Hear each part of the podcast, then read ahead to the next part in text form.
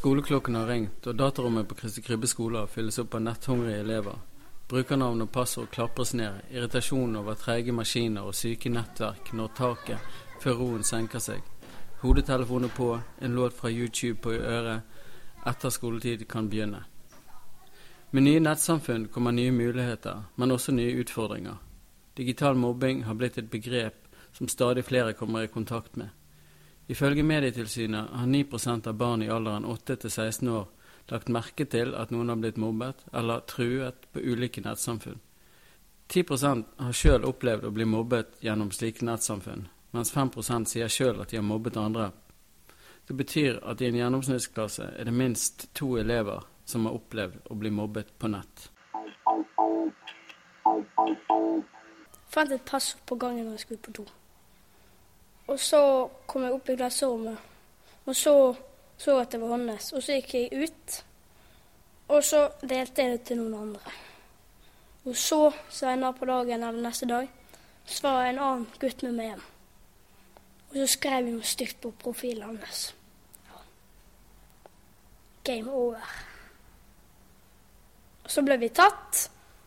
Og så syntes jeg egentlig det var ganske dumt, fordi vi hadde gjort noe ganske dumt inne på noen andre sin profil.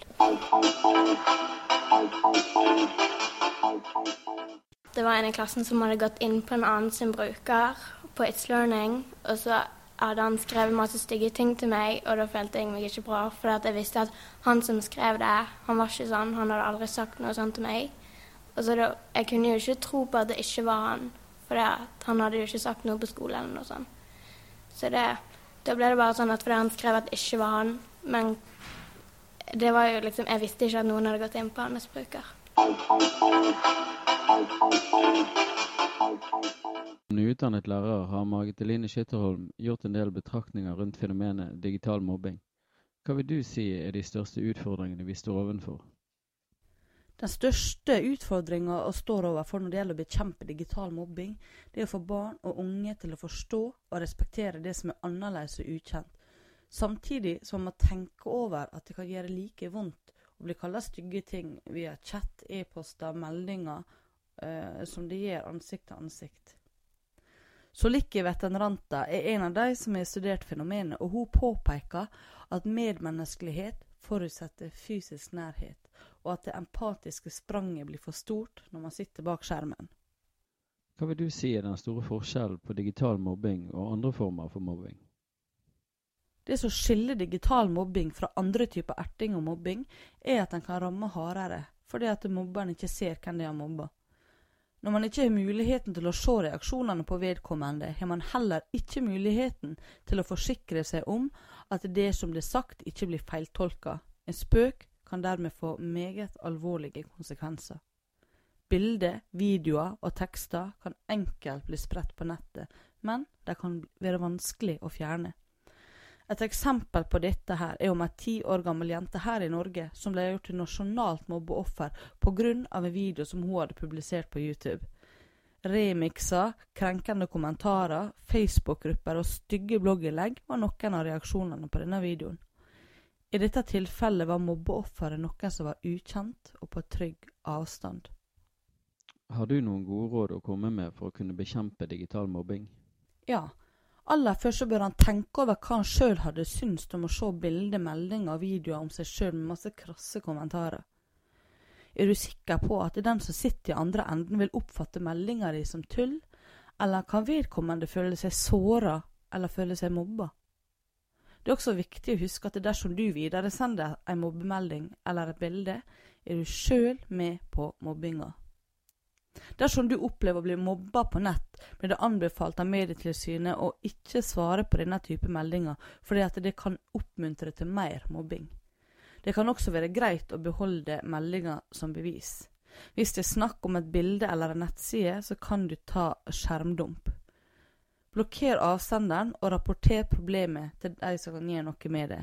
Og sist, men ikke minst, fortell det til noen som du stoler på.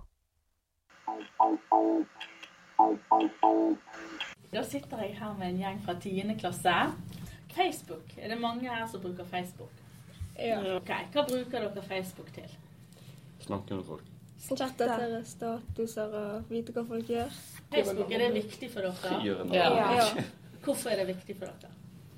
For du er liksom oppdatert på alt som skjer overalt. Bursdager, eksempel. Vi pleier jo ikke å huske bursdager, men på Facebook som er det.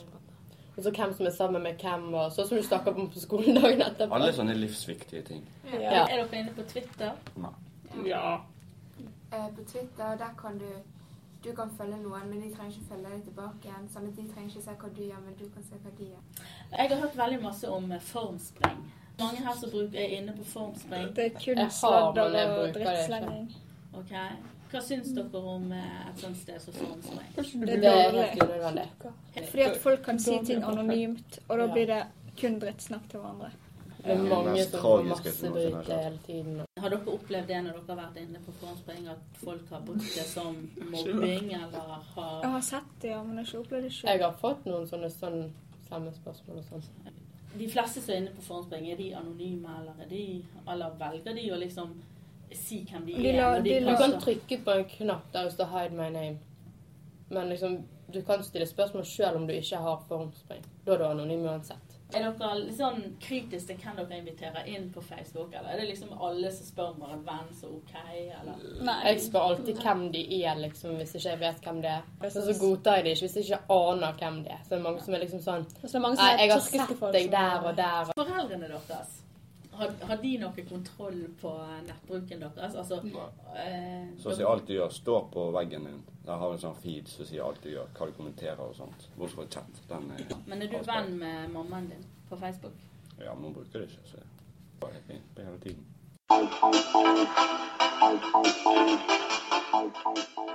For å oppsummere litt hva elevene har sagt om sosiale medier, så er det at å være på Facebook, det er viktig. Her holder de seg oppdatert på hva som skjer utenom skoletid. Eh, Hva venner driver på med, hvem som har fått seg kjæreste, legge planer for resten av uken, osv.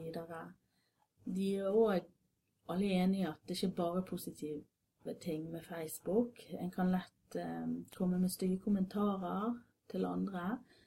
En legger gjerne ut bilder som andre venner ikke er enig med skal bli lagt ut der, og så får kommentarer på disse bildene. Andre sosiale medier som Formspring er også blitt nevnt, der de sier at der er det masse skittslenging, fordi man der kan velge å være anonym. Og dermed kan man si ting som man ikke tør å si direkte ansikt til ansikt. Og på et sted som Formspring så kan det lett oppstå rykter, og en kan drive en mye sterkere form for direkte nettmobbing her. Formsprenger det har blitt brukt mye til drittslenging, fordi det går an å være anonym.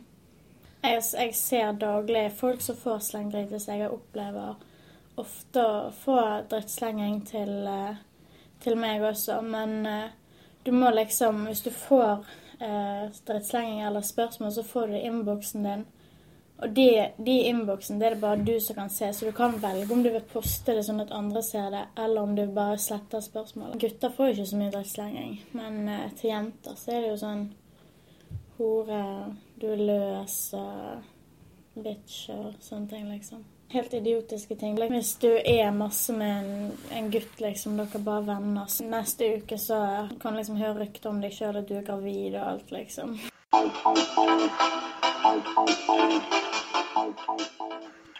Det var en jente. Hun eh, og en venninne redigerte et bilde på tull. Sant? De så veldig flott ut. sant? Så skrev de liksom, så lå de det ut. Så var det noen jenter som gjorde det samme og skrev liksom sånn under ah, 'Dette er ikke redigert'. og Det blir veldig mye diskusjoner på det andre bildet som var lagt ut, for å herme etter de andre jentene. Så det, da blir jo de veldig lei seg. og Med dette takker vi for oss. Vi som har laget denne sendingen heter Margit Eline Skytterholm, Randveig Vindenes og meg sjøl, Charles Levi Christensen. Vi takker elever ved Tranmevågen ungdomsskole og Kristi Krybbe skoler for at de delte sine erfaringer med oss. På gjenhør.